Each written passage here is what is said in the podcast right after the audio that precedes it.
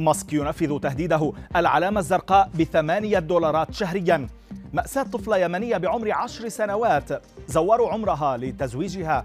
فوضى عارمة. نشطاء مناخ يقتحمون مطارا ويوقفون الطائرات. أبرز أخبار الساعات الأربع والعشرين الماضية في دقيقتين على العربية بودكاست. في خطوة وصفت بالأبرز ضمن تعديلات يجريها الملياردير الأمريكي إيلون ماسك على منصة تويتر التي اشتراها مؤخرا رسميا أصدرت الشركة تحديثا جديدا لنظام iOS على أجهزة أبل. يسمح للأشخاص والمؤسسات بالحصول على علامة التوثيق الزرقاء مقابل دفع ثمانية دولارات شهريا بعد أن كانت مجانية للأفراد والمنظمات المؤثرة أو البارزة.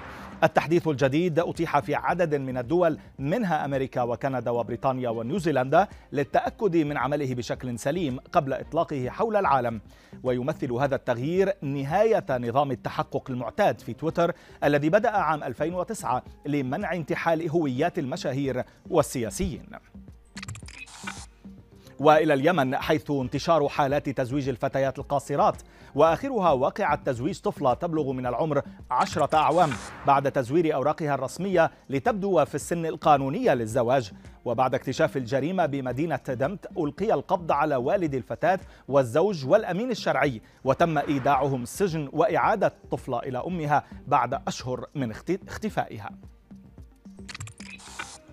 واستمرارا لاحتجاجات نشطاء المناخ في أوروبا اقتحم عشرات المحتجين مطار سخيبول بالعاصمة الهولندية أمستردام حيث عرقلوا تحليق بعض الطائرات على مدرجات المطارات مستخدمين أو المطار مستخدمين دراجاتهم الهوائية.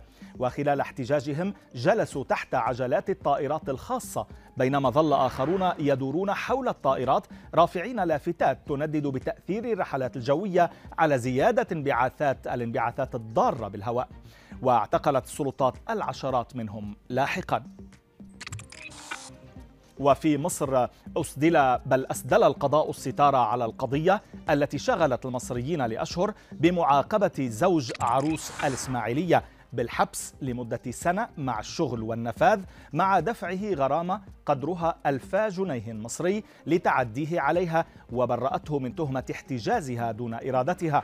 وكانت صاحبة الواقعة المعروفة إعلاميا بعروس الإسماعيلية قد حررت محضرا ضد زوجها لاتهامه بتكرار احتجازها وبضربها بعد الواقعة الشهيرة بالاعتداء عليها يوم زفافهما قبل ثمانية أشهر. في واقعة فريدة من نوعها قررت إحدى شركات الطيران التركية إدخال تعديلات على الطائرة لتمكين روميسا جيلجي وهي أطول امرأة في العالم من السفر إلى سان فرانسيسكو بالولايات المتحدة للمرة الأولى حيث أزالت ستة مقاعد من الطائرة واستبدلتها بسرير خاص لها. الشابة التركية يبلغ طولها مترين وخمسة عشر سنتيمترا وهي أطول امرأة على قيد الحياة في العالم وفق موسوعة جينيس تعاني جلجي من متلازمة ويفر وهي حالة وراثية نادرة تسبب فرطا في نمو العظام.